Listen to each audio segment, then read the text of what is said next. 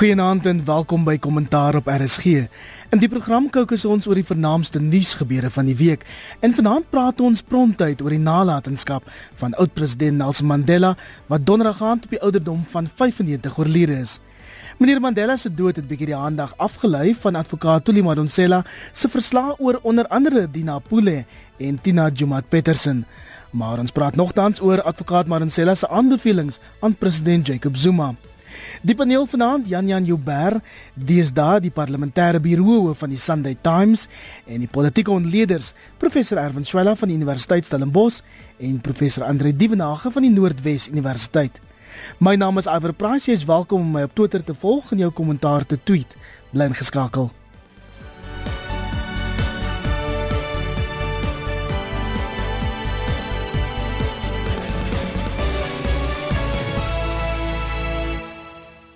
Meneer daar was in die afgelope 3 dae heelwat lofsange vir Madiba, maar relatief min bespreking oor veral wat die ANC doen met meneer Mandela se nalatenskap. En Jan Jan, kom ons begin by jou.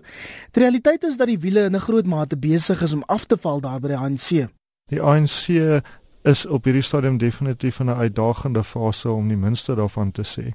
En hierdie gebeure, die tragiese gebeure van hierdie week kom in die skadu daarvan dat die openbare beskermer byvoorbeeld um sekere baie sterk bevindinge gemaak het Ons kan praat oor die bevindinge oor Nkandla wat voorlopige bevindinge is en waar ek dink mense nie voortydig enige iets moet sê nie, maar die bevindinge oor die minister van landbou Tina Jumat Petersen is goed wat nie gaan weggaan nie. En toe Gwedi Mantashe gesê het, "Wel sy moet nou opskit met hierdie verslag," um vroeër in die week, het ek gedink, "Hmm, die ANC wil hierdie goed afgehandel hê voor die verkiesing." Ek dink dat die afsterwe van ons voormalige staatshoof vertraag hierdie prosesse. Maar ek wil ook daarom net sê, Iwer en ek weet baie mense het het oor 'n lang tyd, maar dis ook daarom interessant hoe hierdie afsterwe en die tyd daarna mense saambind. Jy weet by die Heltenhuis byvoorbeeld hoe die mense sing, die volkslied en ook um Socioloza sing. Ook die uitreik van die swart mense na die wit mense daar om iets so Socioloza te sing eerder as bevrydingsliedere wat die wat die wat baie van hulle landgenote dalk nie gaan ken nie. So op hierdie stadium dink ek 'n tydperk van samehorigheid maar baie interessante afloop vir volgende jaar. Erwin ons het die laaste 48 uur baie lofsange vir meneer Mandela gehoor, maar hy was tog maar net 'n mens wat in sy lewe heelwat politieke foute gemaak het ook. Ja, hy het en uh um, daar's bekende verhale oor van die dinge wat ook verkeerd geloop het in elk geval tydens sy kampanjes voordat hy die president geword het voor sy vrylating. Uh, daar's aanduidings dat hy self oor sekere dinge wat hy gedoen het nie heeltemal uh oor tyd in 'n sekere sin 'n revisie daarop gehad het en dit dit weer bedink het. Maar in elke tydvak van sy lewe het hy bepaalde dinge gedoen met passie, met oortuiging en uiteindelik uh, 'n uh, besondere bydrae gemaak. Dan wonder mense oor hoe kom hierdie bydrae en onder andere gaan dit daaroor dat hy 'n baie besondere mens was met baie besondere waardes. Ek het 'n aanhaling waar hy 'n brief geskryf het om te sê dat in 'n mens se eie ontwikkeling is daar interne faktore, uh, naamlik eerlikheid, opregtheid, eenvoudigheid, 'n uh, 'n vorm van nederigheid, mededeelsaamheid, 'n uh, gebrek aan wat wil ek amper sê vanity, wel hy sê absence of vanity en 'n gereedheid om ander te dien. Al hierdie dinge um, het hom eintlik gelei en gerig om 'n morele en 'n etiese standpunt te probeer inneem.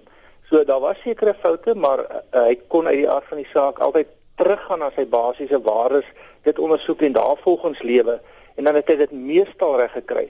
Maar soos alle ander mense kry mense dit ook nie heeltemal altyd reg nie. En die vraag ontstaan, nou hoe gaan ons hiermee vorentoe? Ons het nou hierdie lofsange gehad. Wat is die implikasies vir ons as mense? Kan uh, meneer Mandela se optrede 'n nuwe morele kompas vir elke individu in hierdie samelewing, vir elke lid van die regering word? sodat ons miskien moet gaan na 'n situasie waar ons argumenteer wat sou Mandela gedoen het. Ehm um, en ek dink dit is belangrik vir die vir die uh, individue in Suid-Afrika. Dis wonderlik soos Janiaan gesê het om te sien hoe ons nou weer na mekaar toe uitreik. Dis asof ons elke keer met 'n groot geleentheid hierdie soort kohesie herbevestiging vind, maar dan verloor ons ons dit weer. Miskien is meneer Mandela se laat nalatenskap dat ons voortdurend gaan kyk of ons eerlik opreg en met diens en met 'n ingesteldheid van nederigheid lewe. Dink dis die pad vorentoe.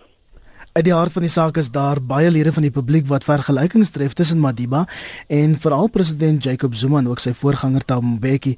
Maar Andre, wat is die leierskaplesse wat veral president Zuma kan leer by Madiba?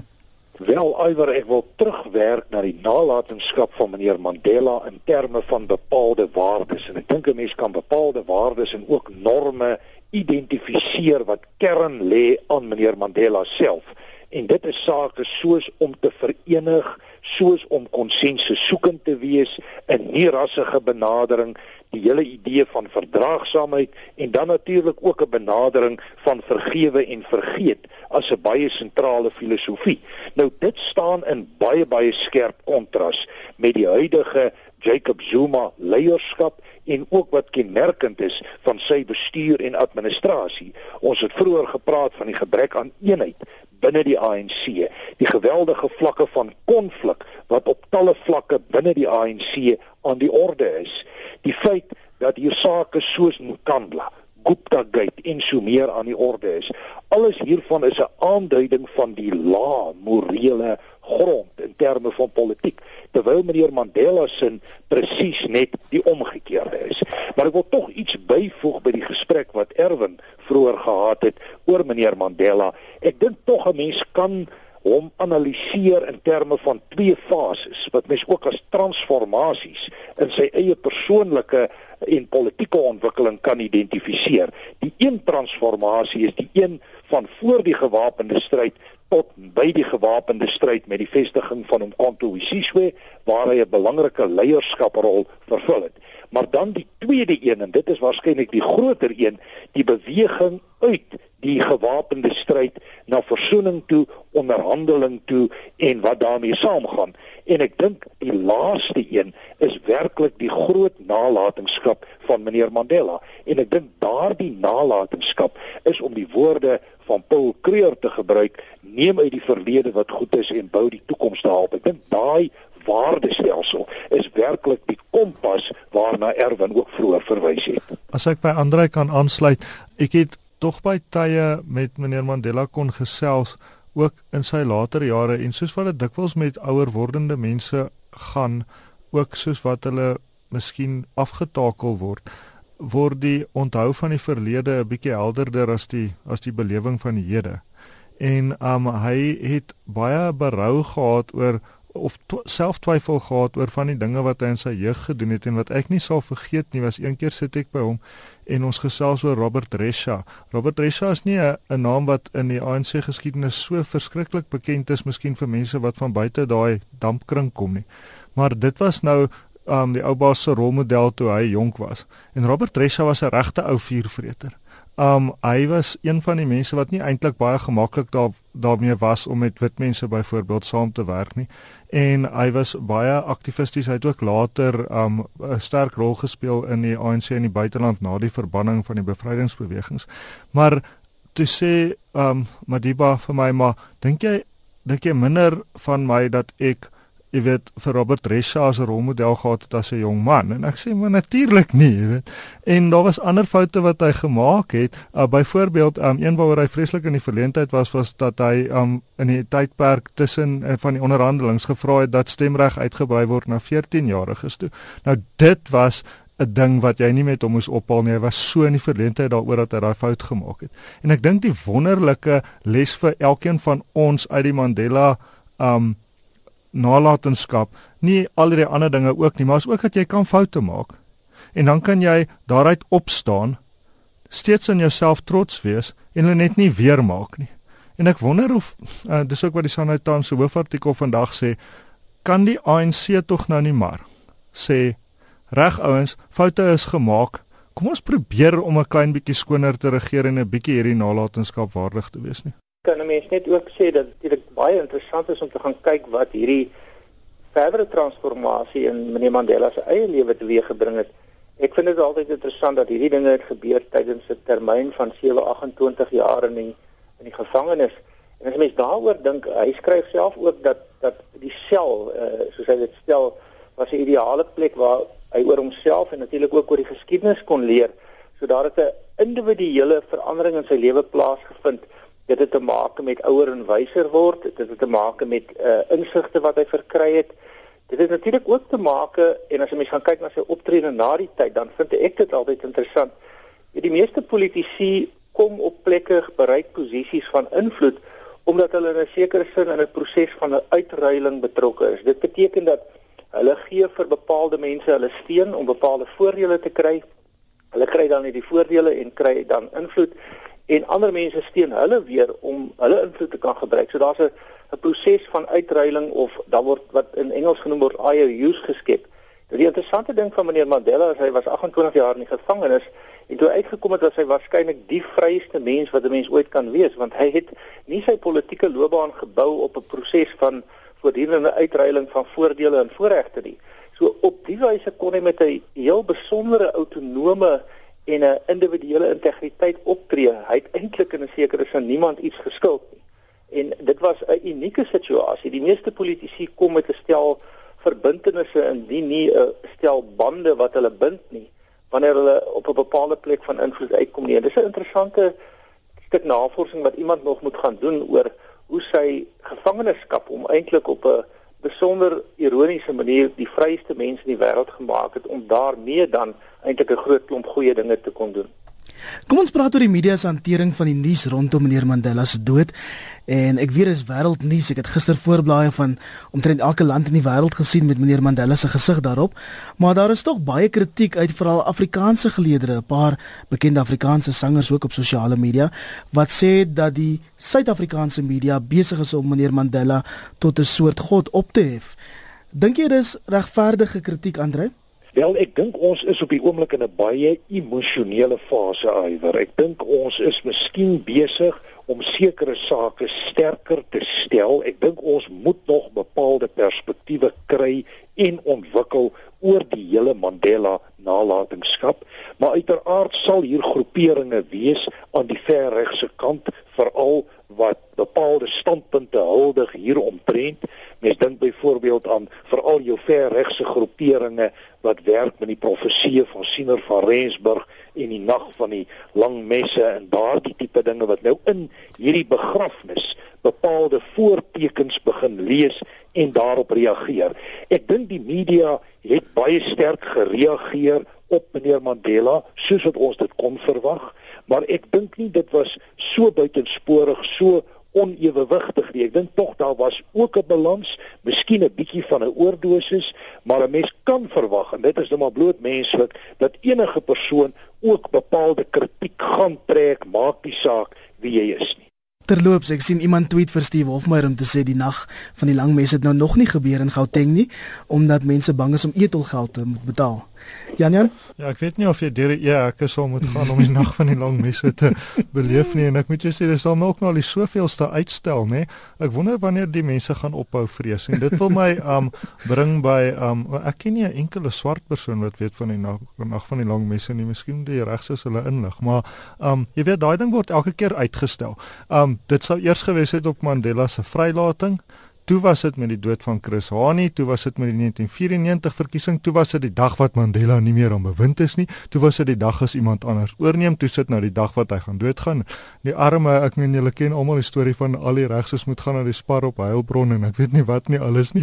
Maar ehm um, maar regtig waar, ehm um, dit, dit skakel net vir my in rapport met 'n wonderlike stuk wat PG Du Plessis geskryf het oor die onnodigheid van vrees en die manier waarop dit jou inperk. My ouma sê altyd wat sy nie kan verstaan van hierdie die verregse mense en dit sluit seker Afrikaanse sangers inderdaad in is die die plesier wat hulle hulle self ontsê aan die land, jy weet. Um dat ons in so wonderlike en interessante plek bly en dat jy jouself so inkerker as jy as jy so sterk moet nou glo in een of ander vreemde plan wat eerlikwaar daar nie eintlik veel aan is nie. Ek meen regtig waar as dit as dit moes gebeur het sou dit mos al. Maar ek ek sien met verwondering uit na die volgende datum wat nou weer aangedui gaan word. Seker nou weer as Julius Malema een of ander iets doen. Hulle vind altyd iemand. Maar jou reaksie op die beriggewing gebalanseerd? Man ek dink ek dink so. Ek dink um ek het gister 'n onderhoud baie kort ingedoen met Sky News en hulle het um 'n soort van ook daarna verwys. Ek dink dat baie lesers het miskien nie met Nelson Mandela te doen gehad nie. En in ons beroep het jy wel met hom te doen gehad. En ek vir een is nie skaam dat ek hartseer is dat hy weg is nie, want hy was 'n fenominale mens. Ek gee nie om of enige iemand dink mense is enige iemand ter wille nie. Maar dis 'n klein bietjie soos as jy 'n grootouer of 'n of 'n ou grootjie het wat al baie oud is. En um die oubaas kon nie in die laaste tyd so verskriklik baie doen nie. Maar dit was vir my wonderlik dat hy daar was. En dat hy weg is en vir altyd weg is is moeilik om te hanteer. So baie van die mense wat geskryf het, het nie geskryf om iemand ter wille te wees nie, hulle het eerlik geskryf. En ek is baie seker daar's mense wat seker nou maar nie daarmee saamstem nie. Daai mense is ook nogals voorspelbaar. Maar ek vir een sal sê ek is bitterlik bitterlik hartseer hy's weg en ek is nie skaam daaroor nie. Nou goed meneer, kom ons kom by die punt. Hoe sien ons in Suid-Afrika sonder die sagte teenwoordigheid al was dit in die laaste paar jaar daar iewers in die agtergrond van uh, meneer Mandela? Erwin? Ek wil net gou daarom aansluit by die vorige gesprek voor ons nou oorgaan na die nuwe gesprek toe. Ek herinner my dat iemand my op 'n stadium teen mooi ironiese stelling gemaak het dat sommige mense in Suid-Afrika draai die idee van moenie vrees nie glo net om en maak daarvan moenie glo nie vrees net. Hmm. En ek dink dit is so wat ons soms hier het van sommige van hierdie verregse mense. Die nalatenskap van eh uh, meneer Mandela vir Suid-Afrika dink ek is besonder en dit sluit aan by hierdie gevoel wat die meeste die oorgrootste meerderheid van redelike en realistiese en goeie en en bruikbare Suid-Afrikaners het dat ons 'n groot verlies hier gelei het dat dit nie net gaan oor die persoon van meneer Mandela nie maar die manier waarop hy opgetree het sy filosofie sy denke en nou moet ons gaan kyk hoe gaan ons hierdie nalatenskap ons eer sy nagedagtenis en hoe gaan ons sy nalatenskap inbou in die res van ons uh, geskiedenis wat ons besig is om te skryf Ek persoonlik dink dat 'n mens moet gaan kyk na die verskillende aspekte waarmee ons op die oomblik te maak het. Ons het hier die potensiaal om die harde werk in Suid-Afrika is nie die gevolg van 'n wonderwerk alleen nie. Dit was moontlik ook 'n wonderwerk, maar ook die harde werk wat gedoen is tydens die oorgangstyd vanaf 1990 deur tot die uh die aanvaarding van die grondwet en die eerste verkiesings in die in die in die jare 2000 ehm um, uh, natuurlik na 1994 96 ekskuus ehm um, en in die proses moet ons nog gaan kyk of ons daardie harde werk kan herontdek en die wonderwerk kan laat gebeur en ek sien ongelukkig dat daar aanduidings is dat in teenstelling met meneer Mandela se benadering en veral die huidige regering die ANC se politieke party vaar nie te sleg nie nê nee, want kyk hulle behou steen die ANC as 'n deel van die oorgang het nie sleg gevaar nie dat ons gehelp om die nuwe grondwetlike bedeling te skep en was eintlik leiers daar. Maar die ANC as die huidige regering is ongelukkig besig om 'n groot klomp van hierdie nalatenskap gewoon as dit ware in die sand te laat versyfer. Dit vind ek verskriklik jammer en ek dink daar's 'n nuwe gesprek nodig. 'n Nuwe gesprek oor regering in Suid-Afrika, oor die basiese waardes wat ons dryf oor spesifiek die dinge wat meneer Mandela hoog aangeslaan het, 'n gesprek oor versoening, oor inklusiwiteit. Ek dink geen regeringsleier nie. As 'n politieke leier kan jy dalk 'n ander opsie hê, maar geen regeringsleier behoort toegelaat te word. En dit sluit leiers van alle regeringsvlakke in en ook van alle politieke partye, selfs in die Weskaap, om verdelende stellings te maak nie. Die soort van ding gaan ons in die moeilikheid laat beland en ek dink ons kan soveel leer en baat by meneer Mandela se nalatenskap En dan is dit ongelukkig dat sommige mense voortdurend nog die teorie van die lang messe in stand hou. Ek het met gesprekke, verskeie gesprekke in die laaste 2-3 dae met mense op die grondvlak in 'n voorportaal met 'n sekuriteitswag en 'n en 'n moslim vrou. Daar's soveel liefde en deernis onder Suid-Afrikaners en ek stem met Jan Jan saam. Ons kan almal maar 'n bietjie die emosie dra en hê en dan moet ons gaan kyk hoe gaan ons vorentoe met 'n groot klomp passie maar ook 'n groot klomp compassion want dit is nie net passie nie maar compassion wat ons nodig het 'n gevoel vir mekaar. Andre dit laat die ANC 'n bietjie wees veral met die komende verkiesing. Hoe sien jy 'n verkiesing in 2014 sonder die teenwoordigheid van meneer Mandela? Iwer ek persoonlik dink dat eh uh, die pogings gaan nou aangewend word deur die ANC om die Mandela nalatenskap te probeer opeis om te kyk tot watter mate daai nalatenskap aangewend kan word om al hierdie probleme binne die ANC en binne die Zuma regering en die groter drieledige alliansie te probeer aanspreek en ek verwag dat dit ook tot bepaalde konflik gaan lei tussen politieke partye want vir oppositiepartye word meneer Mandela meer as 'n staatsman van internasionale statuur gesien terwyl die ANC hom probeer opeis as 'n pertinente ANC leier wat hulle dan nou wil gebruik vir hulle eie situasie. Maar saam met dit is hier 'n problematiek en ek kan nie 'n ander term kry as die Engelse catch 22 vir die ANC en die moment as hulle die Mandela nalatenskap opeis, dan kontrasteer dit geweldig sterk met wat tans ervaar word rondom die Zuma regering.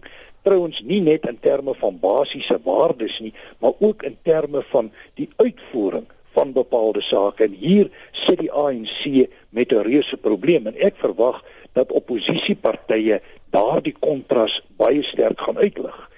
ANC bronne self dui daarop dat hulle steenbasisse tans geskat word hier in die middel hoë 50s en dit is ver onderkant wat hulle graag sou wou sien in 'n verkiesing. So hulle sal definitief op Mandela probeer terugwerk. Trouwens om eerlik te wees, ek het gister van Pretoria af gery by Carltonville verby en daar was klaar by van daai uh nedersettings was daar voertuie met groot Nelson Mandela fotos op wat begin om steun te organiseer en te mobiliseer. Maar ek wil tog terugkom by 'n ander punt wat Erwin aangeraak het, wat bietjie hoër lê as die vlak van die verkiesing van 2014. Ek dink in Suid-Afrika het ons 'n punt bereik waar ons 'n gesprek sal moet voer op 'n hoër vlak as net 'n partytetiese verkiesingsvlak. Dit raak nasionale belange, dis eintlik op die vlak van 'n tweede kodesa en hier moet talle sake aan die orde kom. Ons het by 'n vorige gesprek verwys na die behoefte om transformasie as 'n ideologiese raamwerk uit te pak en te verduidelik wat dit behels en die pad vorentoe. Mens dink aan die hele kwessie van grondhervorming. Jy dink aan verslegtende verhoudinge tussen swart en wit. Jy dink aan die ryk-arm gaping. Jy dink aan om die eerste punt aan te haak, die tweede fase van transformasie wat fokus op ekonomiese en sosiale goed. Ek dink daai gesprek is dringend noodsaaklik en daar gaan ons die tipe leierskap en visie hê nodig hê van iemand soos 'n meneer Mandela en op die oomblik is daardie visie en leierskap na my oordeel baie dun gesaai. Jan Jans, dit is saam as 'n tweede Kodesa nodig. Ja, ek kan nie sien dat dit baie maklik gaan gebeur nie. Um ek dink 'n politieke party um daar's geen rede vir die ANC as 'n politieke party om dit te doen nie want eintlik wat jy doen met so 'n tweede Kodessa is dat jy uh, jammer om dit nou te sê en ek bedoel dit nie sleg nie maar 'n ondemokratiese stelsel daarstel. 'n regering word verkies hy sit sy beleid op die tafel en dan moet hy hom uitvoer. En dit is wat in die volgende verkiesing voor lê en daar wil ek nou vir Andre sê praat jy wat tande het. Um daai um uitstekende um manier wat ander nou gehad het om vir ons daardie catch 22 daardie jy kan nie wen nie situasie um, wat die ANC nou in gaan verkeer uit te lig het ek nou verskriklik geniet. Um dis baie duidelik die ANC gaan probeer om vir Madiba aan te wend as 'n simbool in die verkiesing. Jy weet stem vir 'n beter verlede amper. Um jy kan klaar sien um jy kan klaar sien in Kailicha was ek nou die dag by 'n groot ANC saamtrek en hulle het sulke nogal mooi T-hemde met sy gesig op dan sê dit um do it for Mandela en die voor is so 'n vuur.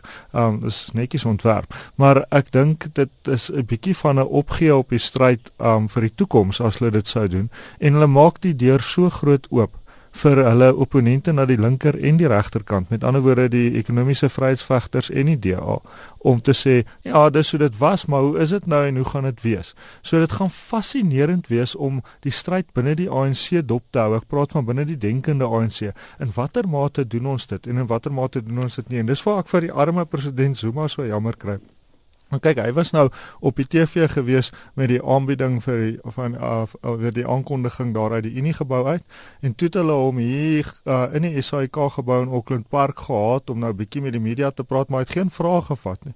En ek tog, Jesus, dis aanbeledigend op 'n manier vir die president, nê, dat Colin Shabani die antwoorde moet vat dis so amper of die ANC om deesdae gebruik om om linte te knip en nuwe damme te open en sulke goed maar beleid dit kry jy nie by hom nie. Ja snel weer nee die een ding na die ander hy's amper soos 'n seremoniele staatspresident. So hierdie verkiesingsveld tog gaan 'n ander een wees. Ek weet nie. Ek dink die ANC se planne is nog heeltemal in plek nie. Erwin kortliks die laaste woord behoort aan jou. Nee, ek kan net sê dat uh, wat wat die wat die idee van 'n nuwe Kodesa, ek dink ook nie dat dit presies is wat eh uh, Andre bedoel nie in die sin dat 'n mens tog wel 'n gesprek moet aan die gang kry. Miskien gaan ons nie 'n Kodesa verklaar kry nie. My uh, kollega en en goeie vriend professor Willie Estreys praat van 'n tweede spoor gesprek. Daar's definitief 'n gesprek nodig oor regeerkunde ons wil nou na aanleiding van ons nasionale ontwikkelingsplan konferensie eintlik 'n soort dinkskram, 'n think tank begin, 'n uh, sentrum vir goeie regering waar ons juis gaan kyk om hierdie gesprek aan die gang te kry en te hou oor wat beteken goeie regering, wat beteken goeie publieke leierskap. 'n Tweede Kodesa miskien nie en ek dink die die standpunt dat 'n mens moet praat oor die betekenis van die term transformasie. Dit lyk my transformasie word geïdentifiseer of gedefinieer in terme van net twee van die drie uitgangspunte wat ek in die grondwet lees en dis naamlik ehm um, eh uh, wel eintlik een nee net verteenwoordigendheid maar die grondwet bepaal ook dat behalwe dat die staat en die regering en ons land eintlik net verteenwoordigendheid moet nastreef moet ons ook effektiewe en etiese regering nastreef. So die gesprek is dwingend en dringend noodsaaklik en um, ons sal dit graag wil ondersteun en ek dink ons almal wat in posisies is waar hierdie dinge gebepraat kan word in forums moet moet daai betrokke agenda ook dryf. Ehm um, so ek dink die die die, die nuwe gesprek is nodig en ek dink dit sal ook kom.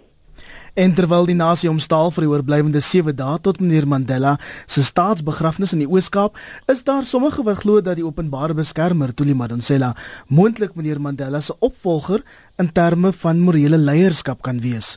Andrei, is jy een van daai wat dit dink? Wel, ek het baie groot waardering vir dit wat uh, mevrou Madonsela doen in haar standpunt. Dit getuig van integriteit, dit getuig van onafhanklikheid, dit getuig van iemand wat bereid is om 'n saak deur te voer ongeag die politieke konsekwensies. En 'n mens weet dat in die huidige politieke omgewing is dit verrykende politieke konsekwensies waarmee jy te doen kan hê indien jy die magte van die dag aanspreek en sy doen dit ongekwalifiseerd.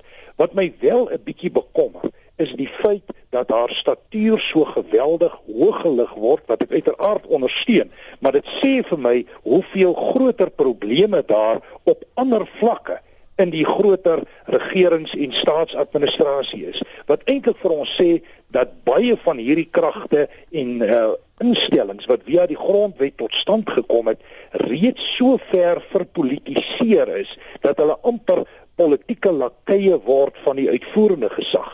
En dit gee aan mevrou Madonsela 'n beeld wat waarskynlik sterker is as wat dit moet wees net omdat sy haar werk goed en behoorlik doen. Maar inderdaad het ek vir haar groot waardering. Ons het op hierdie stadium 'n werklike behoefte aan die hoë morele politieke grond. Ons het 'n behoefte aan die konsekwente handhawing van die driedelingsleer in terme van die onderskeiding van die uitvoerende wetgewende regsprekende gesag. Ons het 'n behoefte aan die oppergesag van die reg. In daai sin bevestig sy maar net vir ons watter waardes daar is wat in stand gehou moet word en wat belangrik is vir hierdie fase van die konsolidasie van ons demokrasie waarmee ons besig is. Wat vir my so 'n bietjie bekommer is dat um jy weet daar's soveel druk op haar oor al hierdie goed wat ander nou genoem het. Jy weet en sy is 'n blye mens.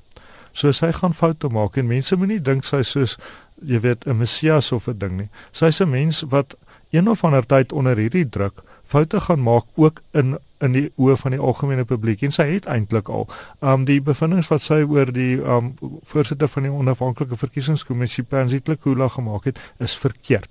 Um dis hoekom die parlement dit nie kon hanteer nie.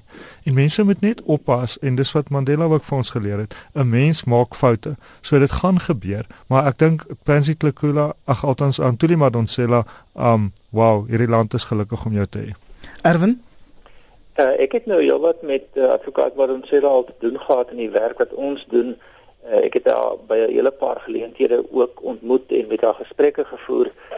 Ek is uh, buitengewoon beïndruk met haar vermoë, intellek, met haar uh, ingesteldheid uh, wat te maak het met uh, onder andere haar morele standpunte en ook uh, haar deursettingsvermoë. Uh, dit is iemand uh, vir wie ek die grootste respek het ook gebaseer op die direkte gesprekke wat ek met haar gehad het.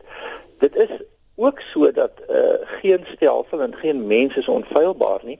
Die hoë profiel wat sy handhaaf en wat eintlik geskied miskien ook as gevolg van die feit dat daar so min ander mense is wat 'n morele standpunt in hierdie in hierdie land inneem is dalk 'n probleem aan die ander kant is dit dalk ook strategies nie so 'n groot probleem nie. By 'n onlangse geleentheid waar sy sou optree by ons uh, een van ons konferensies het mense letterlik um, en dit was my nogal besonder dit was veral swart mense en 'n hele paar baie professionele swart vroue wat my gesê het maar ons wil haar sien. Sy is vir ons 'n soort boegbeeld van van van die soort vrouens wat ons wil wees um, of die soort professionele optrede wat ons wil nastreef en sy skep dus 'n besondere voorbeeld en terselfdertyd bou sy 'n hoë profiel en dit is natuurlik nie 'n situasie waar sy altyd dit reg gaan kry nie, maar dit maak haar eintlik moeiliker aantasbaar. Ek dink, ek weet nie of dit 'n doelbewuste strategie is nie, maar in die politieke kommunikasie is dit nie sleg om waar jy onder druk kan kom, 'n hoë publieke profiel te hê nie sodat jy weet dat daar 'n mate van beskerming in daai profiel gelees. Dit maak haar baie moeiliker om om haar in 'n sekere sin uit die proses uit te haal omdat sy hierdie besondere situasie het. En ek dink sy doen dit vir politieke redes per se nie. Want mense moet nou ook onthou die feit dat sy 'n morele standpunt inneem en invloed het binne die regstaat idee gee haar nou nie noodwendig politieke invloed nie en ek het nie enige aanduiding dat sy politieke aspirasies per se het nie. Mense weet nie wat voorkant toe gebeur nie. Maar in elk geval op die oomblik dink ek doen sy haar werk uitstekend. Sy strategies deurdag en ja, baie keer maak sy ook en die stelsel maak ook soms foute, maar hier is iemand wat eintlik 'n nuwe voorbeeld vir ons kan stel en ek dink ons het veel meer mense nodig wat bereid is om 'n standpunt in te neem en ek wil eintlik sê dat ons as akademici, ons as joernalis, joernaliste, regsgeleerdes, die professies, die media moet eintlik haar voorbeeld op hierdie stadium probeer nastreef. Net voor meneer Mandela se dood het sy die wêreld op die kop gekeer met 'n paar verdoemende verslae, onder andere oor Dina Pule en Tina Jomat Petersen. En die tyd is besig om ons in te haal, maar ek wil kortliks daarop reaksie. Wat behoort president Zuma wanneer te doen, Andre? Wel, wat kan meneer uh, Jacob Zuma op die stadium doen? Hy is self in die beskuldigde bank. Hy moet self keer vir sy eie paaltjies om die spreekwoord te gebruik op hierdie stadium. So ek weet nie of hy vreeslik baie kan doen nie. Hy kan probeer om die moreel hoë grond 'n bietjie te probeer herstel met optrede, maar nou is die ANC ook inherënt so verdeel dat dit verdere olies op ander vure kan gooi. So ek dink hy sit werklik in 'n moeilike posisie, maar as dit gaan oor die meriete van die saak dan moet daar ongetwyfeld teen mevrou Jonamat Petersen opgetree word en ook teen Dina Pule. Ek dink as dit enigsins die waardestelsel moet reflekteer waarvoor mevrou Madonsela staan, dan sal daar drastiese optrede in die verband wees. Of dit voor die verkiesing gaan gebeur, dit betwyfel ek. Jan Jan Ja, die um, bevindinge uh, wat nou afgehandel is met ander woorde die oor die minister van landbou is baie verdoemend en wat interessant is dit betrek ook die media nê nee, want um wie se naam ook daar genoem word is die nuwe eienaar van die Independent groep dis die mense wat soos die Sunday Independent uitgee in die Cape Times en die Star en so um Dr. Iqbal Survey nou uh ja, ek dink ons moet maar mooi kyk, maar ek dink daai um soos hulle in die journalistiek sê, daai storie het lang bene. Um en ek dink um na die hiaat of die die kort onderbreking met um die oud president um wat nou wat nou begrawe moet word, gaan daar baie druk wees op die regering om juis in die naloop, naloop van die president se voorbeeld, die oud president se voorbeeld, um wel op te tree. Ons kyk maar of hulle dit doen. Maar die kiesers is ook nie onnoosel nie. En wat hier besig is om te gebeur. 'n Mens 'n mens sien dikwels 'n bietjie van 'n van 'n ongemaklikheid met mense wat sê, "Ja, die bevindinge word gemaak, maar wat gebeur nou uit?" Kiesers is nie dom nie. En wat op die oomblik gebeur is dat die ANC die gevaar loop om sinoniem te word um met hierdie tipe van bedrog en en en en verkeerde optrede. En uh ek dink as president Zuma en veral die denkende mense soos meneer Mantashe en so 'n bietjie gaan dink dan sal hulle sê eintlik is dit vir hulle polities ook nie op die duur die moeite werd nie. So kom ons hoop maar hulle doen die regte ding. Toe die gifbeker die eerste keer gedrink is, het die sistemiese verrotting ingesit en nou sit 'n mens voortdurend met dieselfde dilemma. Jy's gedoem as jy dit doen en jy's gedoem as jy dit nie doen nie. En ek dit dit dink ek is wat hier uitkom ons sal 'n nuwe benadering moet kry tot 'n morele stelsel van politiek en regeringskunde. Kollegas, dis ongelukkig alwaarvoor ons tyd het vanaand hier op kommentaar. Baie dankie Jan Jan Joubert. Dis daar die parlementêre bureau by die Sunday Times. Baie dankie Iwer, dit was lekker. Professor Erwin Swela van Universiteit Stellenbosch. Weereens 'n baie lekker gesprek. Dankie kollegas. En professor Andre Dievenage van die Noordwes Universiteit. Dankie Iwer, dankie kollegas. My naam is Iwer Price. 'n Mooi aand verder.